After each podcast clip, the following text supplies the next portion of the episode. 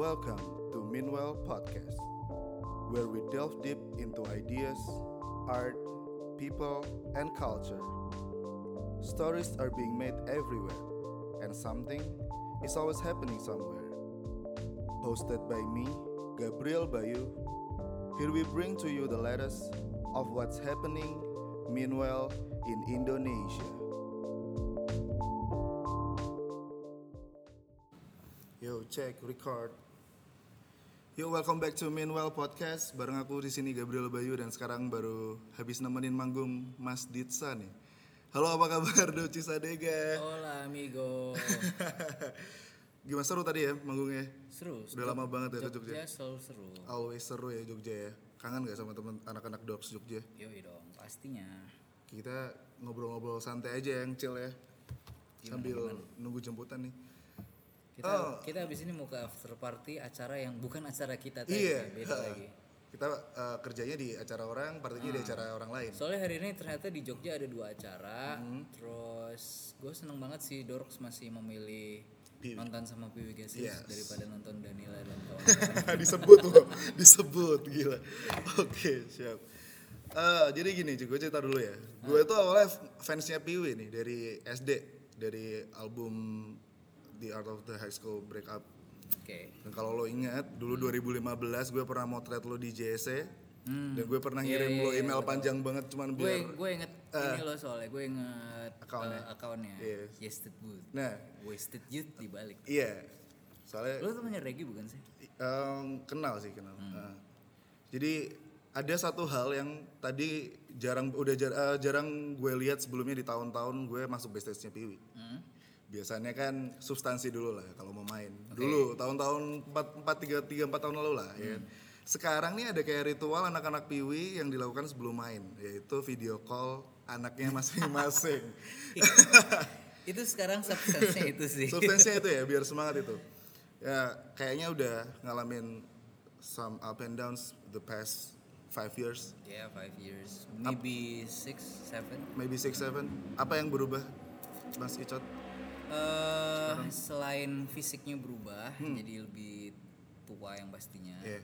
ya kalau hati sih rasanya pengen muda terus cuman tulang belakang nggak bisa bohong kan Oh gitu. Oke. pasti terus kebetulan kita semua udah berkeluarga prioritasnya juga udah agak bergeser Yes.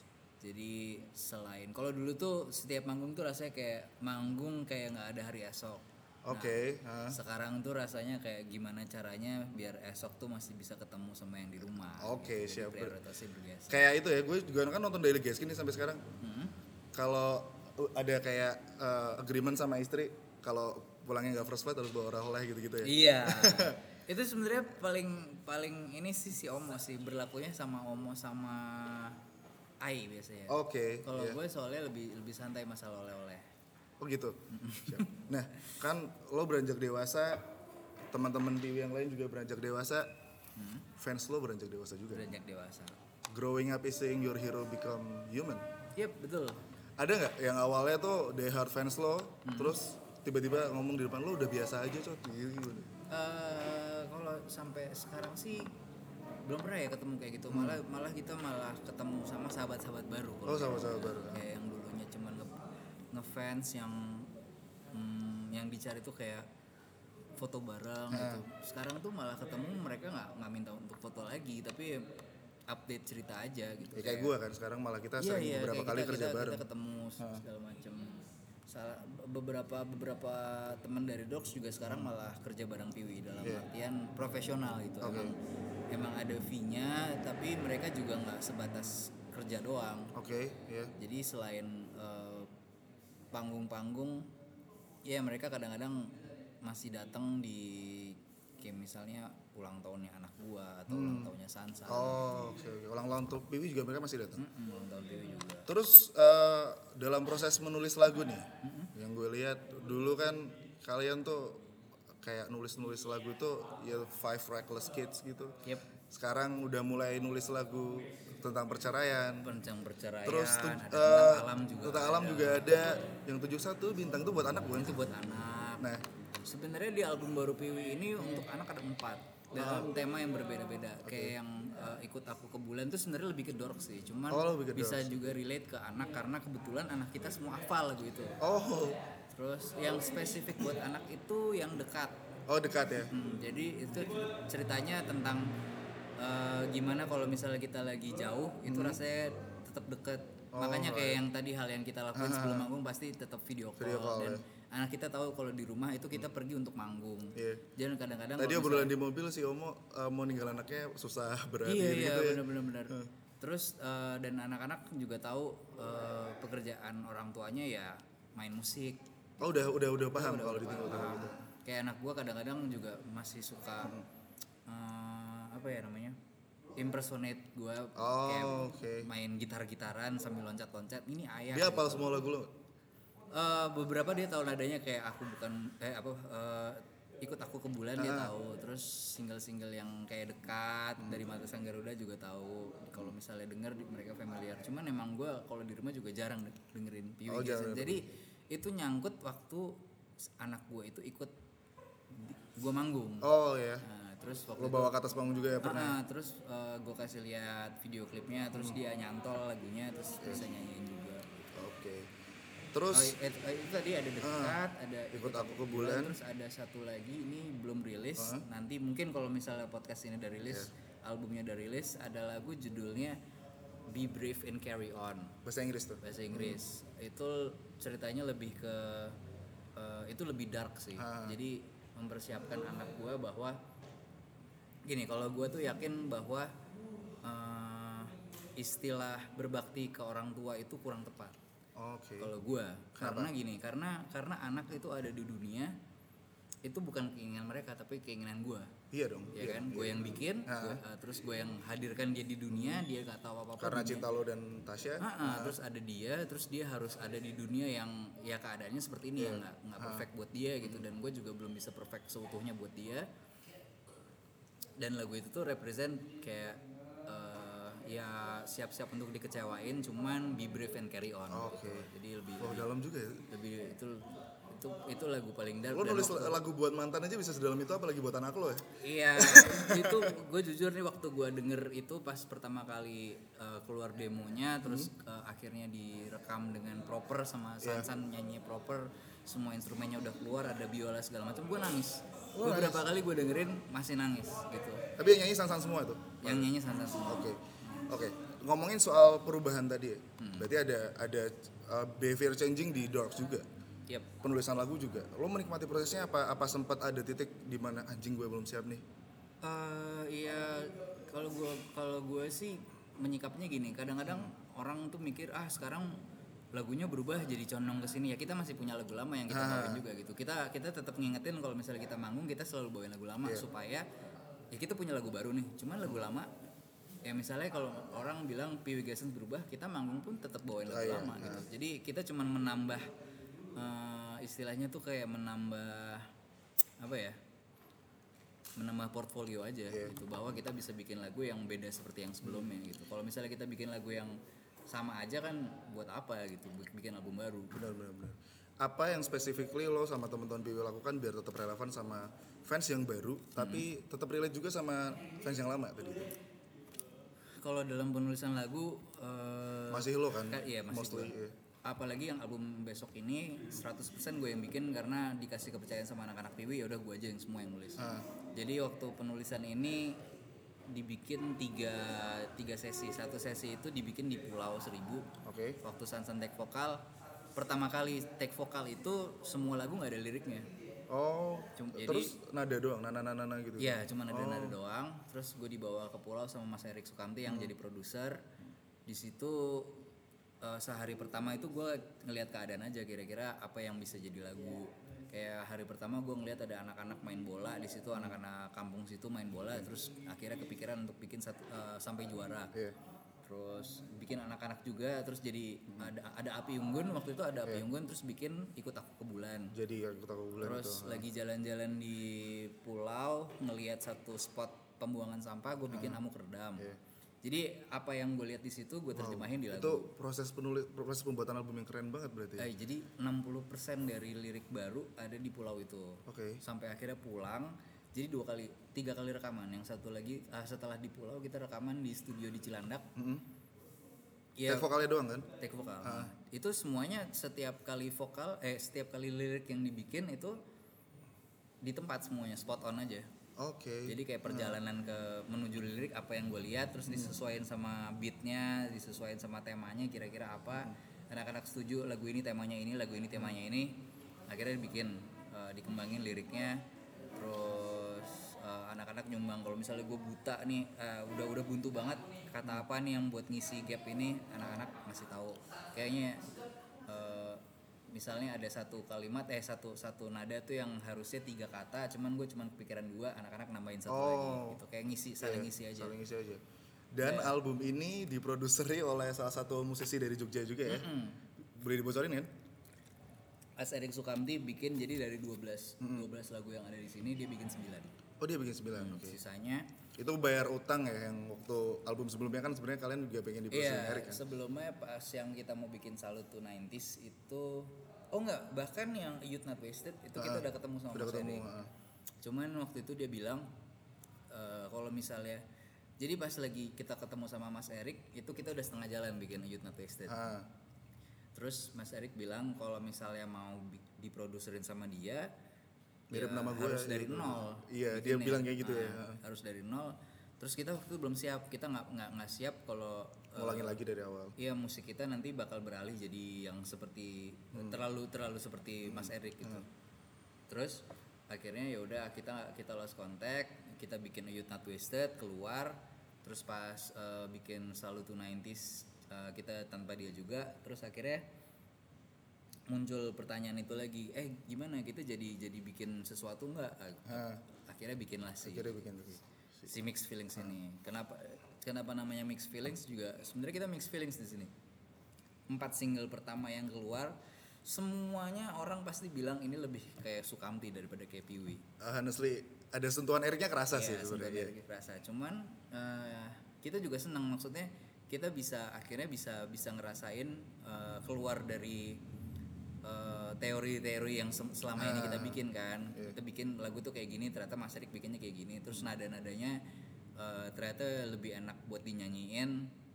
Terus kita masih bisa masukin unsur PWG Essence ya di lagunya Sukamti gitu. Di lagunya ya misalnya Erik eh, Endang Sukamti bikin album tapi kita bisa masukin unsur PWG Essence di situ. Oh gitu. Tapi benar-benar ini proses yang sangat seru kan kalau gue Iya, gue gue dan anak-anak Apakah lo juga mengharapkan uh, dengan membuat lagu bersama Mas Erik, lo pengen ini gak sih kayak nyasar market yang lebih luas juga? Iya, pastinya gitu. Kita pe- pengen nyasar. Emang dari pertama kita golnya gini. Jadi PWG Essence itu udah punya market. Ya, Eh, Mas Erik Sukamti juga punya market. Kita bikin sesuatu yang ada market baru lagi yang bisa masuk ke dua-duanya ini. Dan eh, dari PW-nya juga ik- masuk marketnya Enang Sukamti dan dari eh, apa namanya ya saling saling gabung lah jadi jadi sesuatu yang lebih besar daripada sebelumnya gitu. dan semoga itu tercapai. Zaman semoga itu. Decision maker semuanya masih di lo atau anak-anak ngambil porsi yang sama? Kalau decision maker eh, anak-anak semuanya punya suara yang sama lah. Ya, Kalau istilahnya kalau pemegang saham berarti kita semuanya mayoritas di sini. Oke. Nggak ada yang minoritas. bisa didengerin mulai kapan albumnya? Dibocorin mungkin boleh? Eh, baru aja kemarin label bilang November akhir itu rilis beli apa eh, album fisiknya rilis, terus digitalnya juga rilis dan ada Serentak single ya berarti? single baru juga rilis.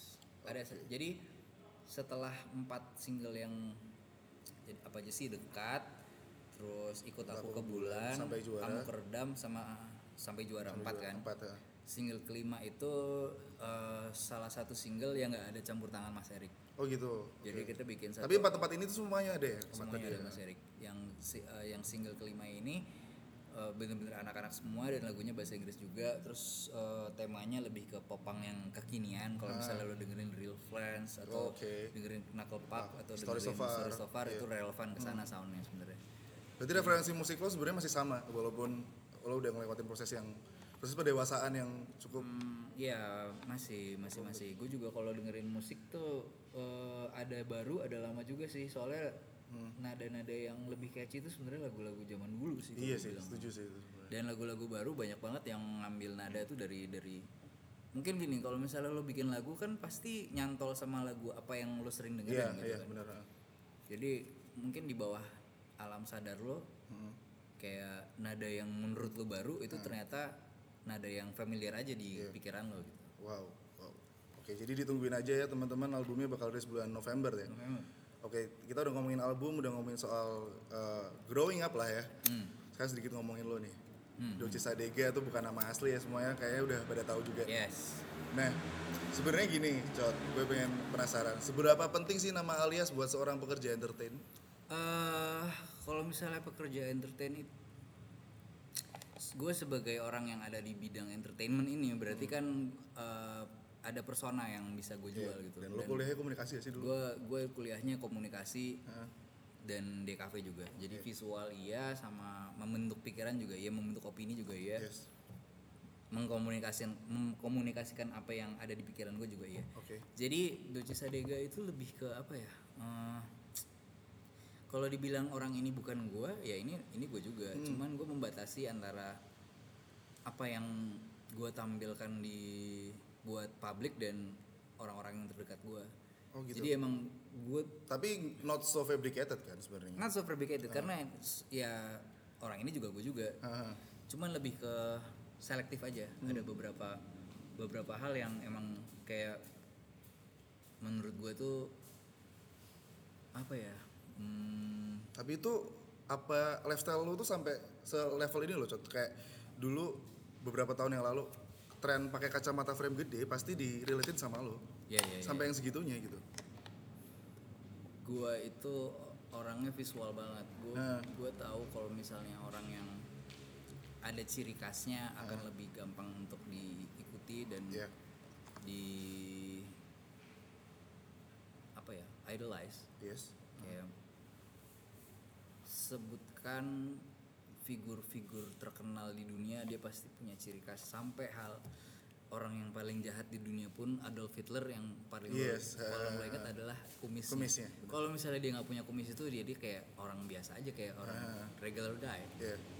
Jadi ya waktu itu gue ketemu si kacamata ini dan kacamata ini akhirnya jadi sebuah trademark dan Padahal sebenarnya awalnya kebutuhan emang lo minus. Iya emang minus tapi gue bisa aja pakai uh, Soft lens. lensa, ka- iya soft lens atau gue pakai kacamata yang bentuknya nggak seperti ini. Hmm. Ini kan uh, dulu kan awalnya Wayfarer kan, Iya. Ray-Ban Wayfarer, terus uh, dijadiin frame gede dan sebenarnya tadi awalnya sih karena gue orangnya introvert gue nggak bisa ngelihat orang secara langsung dan secara psikologis tuh kalau pakai kacamata tuh gue kayak kalau ngelihat orang tuh nggak langsung jadinya karena ada Iya, media ha. si kacamata ini dan kacamata ini bikin gue untuk percaya Tapi jarang-jarang loh ada orang introvert. Gue gue introvert ngomong gitu jarang. Iya.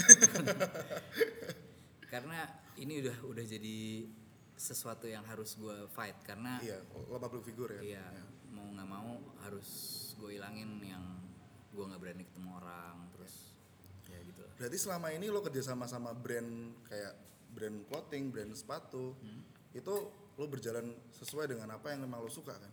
apa yang gue Tapi suka Hmm. kayaknya gue pernah deh lihat satu brand yang kerja sama sama lo yang kayaknya kayak ini kurang relate deh. Menurut gue ya. Itu produknya alat kontrasepsi. Gimana Oh, tuh coba? Iya, gimana tuh ceritanya tuh? Apalagi yang premium lagi brandingannya kan? Iya, iya, iya. Lo kan tinis gitu sampai sekarang, ya kan? Eh, ini masih relate sih karena kalau misalnya nggak ada kondom mungkin anak gue udah banyak banget kali Oh ya. iya. Jadi rahasianya itu ya, ternyata Doci selama ini harus Iya, maksudnya gitu. ini ini sesuatu yang eh, sesuatu yang harus di Hmm. apa ya? eh, harus ada yang angkat juga gitu Iya. bahwa alat kontrasepsi itu nggak bisa dianggap remeh Oke. karena sangat berperan. Maksudnya gini deh, nggak nggak bisa lah orang orang nggak bisa bilang lu nggak boleh lah eh, sembarangan main main cewek Iya, gitu kan. Tapi ya kita bisa ya kalau lu main cewek paling nggak lu harus aman lah Ah. gitu loh. Asik asik. Lo emang orangnya suka ini banget ya, mengasih edukasi ke orang-orang. Kalau ada faedahnya pasti gue lakuin. Oke. Tapi selama ini nggak pernah kan ada brand yang lo terima cuman karena duitnya gede doang, tapi sebenarnya lo gua- karena ada beberapa brand yang emang ngajakin gue kerja sama cuman gue nggak cocok ada. Ada banyak Lo lo tolak-tolakin berarti. gue tolak karena nggak sesuai sama image gue Oke, dan sekarang lo baru pakai sepatu yang bentar lagi rilis nih. iya Boleh ceritain dikit nggak? Ini sepatunya apa? oke ini nama ini leak yang udah di develop sejak satu setengah tahun yang lalu Oh, cukup lama juga. Emang lama sih ya sepatu ya. Gue ngobrol sama orang-orang yang punya brand sepatu sebenarnya dalam dalam leak sendiri proses develop sepatu itu harus 18 bulan Oh, emang udah ada kayak standarisasinya ya? Ah, tapi gue 16 jadi. Jadi 16, oke. 18 itu dari mulai gambar, dari mulai eh, tes bahannya, tes pasar, sampai revisi-revisi segala macem itu dari dari apa? Dari by the booknya itu 18 18 bulan. Dan itu develop. maksudnya directionnya semua dari lo, pure dari lo. directionnya dari gue jadi waktu itu pertama kali itu lagi muncul banyak banget brand lokal Eh, ya bentuknya nggak jauh beda dari fans ya kan? Ah, kita ketemu sama ya beberapa merek lo Dan juga petir-petir, pasti aware lah. ya. ya petir-petir. Terus itu ya bentuknya kalau nggak autentik eh, old school terus eh, apa namanya era old juga ada sih. apa Eh, yang bentuknya mirip era juga. ya bentuknya era out- ya ya ya ya Slip on. Converse juga, All Star juga, sampai ada yang bentuknya kayak eh, Air Jordan 1 juga ada. Iya, iya benar. Waktu itu gue akhirnya kayak nantang diri gue sendiri bisa nggak sih bikin sepatu yang nggak usah ngikutin em, apa yang lagi gampang dan apa yang lagi gitu. Terus emang itu challenge gue dari dari awal kayak bikin BW Gaskins waktu itu lagi gede-gedenya emo, lagi gede-gedenya screamo, lagi gede-gedenya metal. Akhirnya gue nyebrang bikin popang yang Yes. akhirnya ya udah bisa gitu. Terus ya udah gue mikir brand apa, brand lokal apa yang kira-kira bisa memfasilitasi eh, desain gue yang Beda. beda. Dibilang beda karena emang bias waktu itu lagi vulcanize semua. Terus gue pengen bikin sepatu sport Yes. Hmm. bayangan gue sepatu sport itu yang paling eh, tinggi kastanya di Indonesia adalah Leak Iya, karena dia sih itu. Leak itu dulu produsen sepatu Nike, Adidas, Iya, exactly. Asics, Under Armour dan lain-lain. Jadi mereka punya teknologi untuk bikin sepatu Nike kasarnya Yes, gitu. ah. Jadi gue langsung cari kontak mereka. Kebetulan adik gue pernah ma- mau mau apply kerja di situ di Leak. Gue dikasih tahu eh, kontaknya dari dari situ gue gue akhirnya dapet senior desainernya namanya Mas Gigin. Iya. Gue ajak ngobrol terus ya udah diajak ketemu di kantornya di Kemayoran. Gue bela-belain datang ke Kemayoran jauh banget. Terus gue langsung ngasih beberapa eh, sepatu waktu itu gue bawa beberapa sepatu yang gue jadiin acuan Ah. bisa nggak bikin seperti ini ini ini ini ini ini ini, dibilang bisa ya udah s- dari leaknya juga mereka penasaran mereka sebenarnya nggak nggak pernah bikin sepatu yang kayak gue yang yang sekarang ini ya. Sama yang sekali. udah jadi Tapi mereka punya running shoes banyak banget kan? running shoes banget banget tapi mereka belum pernah bikin flyknit dengan spesifikasi yang oh iya. seperti iya. yang kayak gini Flyknit ya ini hitungannya. Uh, knitting pakai knitting terus ada embroidery dengan yang s- uh, apa namanya presisi. Yang Oke. sangat presisi kayak semuanya itu kayak harus perfect. Dari lemnya segala macam dari shape nya segala macam mereka sanggupin terus habis itu kita uh, kita bikin uh, narasi juga bahwa sepatu ini kenapa waktu itu mereka nanya kenapa sepatu running? Itu kenapa lo bikin sepatu running? Karena sepatu lari udah pasti enak buat jalan. Iya, iya. karena gue nggak main skate karena kalau olah- olahraga juga ya nggak olahraga banget olahraga yang paling gue lakuin adalah jalan setiap hari gue jalan gitu Nah. jadi ya udah eh, daripada kan nggak ada walking shoes adanya running shoes Ada running shoes. iya. ya udah akhirnya bikin sepatu yang nggak ada talinya terus gimana caranya supaya tetap ada di kaki biar ngegrip ya dibikin embroidery yang mengikuti Ya, ah. bentuk yang orang bilang logonya jadi kayak specs tapi sebenarnya itu ada fungsinya Oh, ada fungsinya itu. Nah, si si logo yang bentuknya kayak S itu kalau dipakai di sepatu itu mengikuti postur sepa- postur kaki, Kaki, jadi iya. nggak Ah, nggak oh iya. iya. akan nge-grip Iya, gitu. iya, iya. Paham, paham, paham. gitu dan ngegrip tapi nggak jadi kaku Hmm.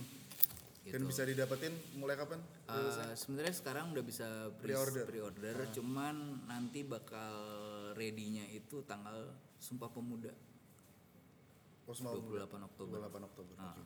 Jadi ini, Cot. Pertanyaan berikutnya ini menuju pertanyaan-pertanyaan terakhir sih sebenarnya. Lo tuh salah satu orang yang consider sama personal branding. Kita pernah bahas juga ya di panggung acara gue. Hmm. Lo kalau lo berani nyebut angka nggak kalau diri lo tuh di net worth-nya tuh berapa sih? Maksudnya apa deh? Network. net worth kalau Iya kasaran aja kan banyak banget brand yang ngajakin lo kerjasama nih walaupun nominal uh, kontrapretasinya beda net worth-nya tuh berapa kayak misalnya ini ibaratin kayak lo tuh penjahat di film One Piece lo kalau jadi Oh. iya, iya. Semuanya tergantung ininya sih. eh, apa kebutuhannya? Mau posting Instagram kah, story kah? Oke, mah jualan nih kita nih. Nanti tinggal email ke gue, gue kirim media kit. oh gitu. Oke, siap siap siap. Oke. Kalau Iya gitu- kalau kalau ngomongin media kit berarti gue gue termasuk orang yang Tapi- duluan, melek sama analitis, Ah, iya. analytics. Karena dulu PW Gason juga berasal dari MySpace. MySpace ya. Di mana gue tahu MySpace itu bisa dihitung angkanya Hmm. dari berapa jumlah play lo, berapa Iya. eh, dari mana aja nih dari kota mana aja yang akses. eh, Gendernya juga bisa kan. Iya dari genrenya juga bisa. Terus positioning si PW ini ada di mana, berapa pendengar perempuan, berapa pendengar eh, laki-laki, eh, mayoritas ada di mana, kalau Pulau Jawa di mana, Kalimantan di mana, Sumatera di mana, Sulawesi di mana dan di luar di luar eh, Indonesia juga di mana dan itu bikin jadi familiar sama sekarang tuh Instagram ada analyticsnya juga, Iya. Facebook juga ada analytics. Dan dulu kalau di MySpace kan ada yang top 5 friends itu kan. Iya, ada itu juga. Itu ngaruh juga kan Ngaruh juga. buat positioning diri sendiri. Oke, ke pertanyaan terakhir ya. Sebagai seorang figur yang melek sama personal branding, Doci Sadega, step apa aja yang eh, mungkin lo bisa share ke orang-orang ngegali value sendiri dan akhirnya mungkin bisa dalam tanda kutip ngejual diri lo. Harus tahu dulu diri lo itu mau di posisi seperti apa. Apakah mau jadi bad boy yang bad boy berantakan? Alright. Apa mau yang uh, bad boy tapi ada baiknya? Apa yang baik doang tapi nggak mau yang jahat-jahat? Kayak misalnya lo hindarin alkohol, hindarin rokok, hindarin seks bebas dan lain-lain. Itu semua tergantung dari audiens yang mau lo Grab. grab. Ah. And then Ya setelah itu uh, jaga baik-baik karena aset yang paling tinggi untuk personal branding adalah diri lo sendiri. Reputasi itu paling penting. That's it. Oke. Thank you banget Sama-sama. Sadega. Hmm. Dan ini buku yang bagus Paul Arden. Paul Arden eh, baca terus Paul Arden. Nah, tapi dia udah nggak nulis lagi dia udah meninggal. Iya, ada it's not how good you yes. are, it's how good you wanna be. Ada juga ya Whatever you think, think whatever you think, think the opposite. Terus ada lagi satu lagi cu- cuman yang lebih lebih sedikit eh, ininya apa Kayaknya di belakang ada tulisannya. deh. Ini bukan sih? Eh, mana sih? Nggak ada. Ini nih, nih. Oh bukan. Bukan. Ya, terus ya ada intinya inilah banyak-banyak referensi dan kayak banyak tag- banyak referensi. Kalau misalnya apaan? educate yourself. Educate yourself. Cuman gue udah udah udah nggak mau pakai itu lagi karena Alip John pakai. Oh Halib John pakai. ya, Halib John. Mohan Jadi mulai Mohan. sekarang gue positive mentality aja. Oh, positive. Oke, thank you Doji Sadega. Yap. Kita mau party nih habis ini. Iya, Art Hotel. Iya. Thank you. Ya udah dengerin This is Meanwhile Podcast. We're signing out.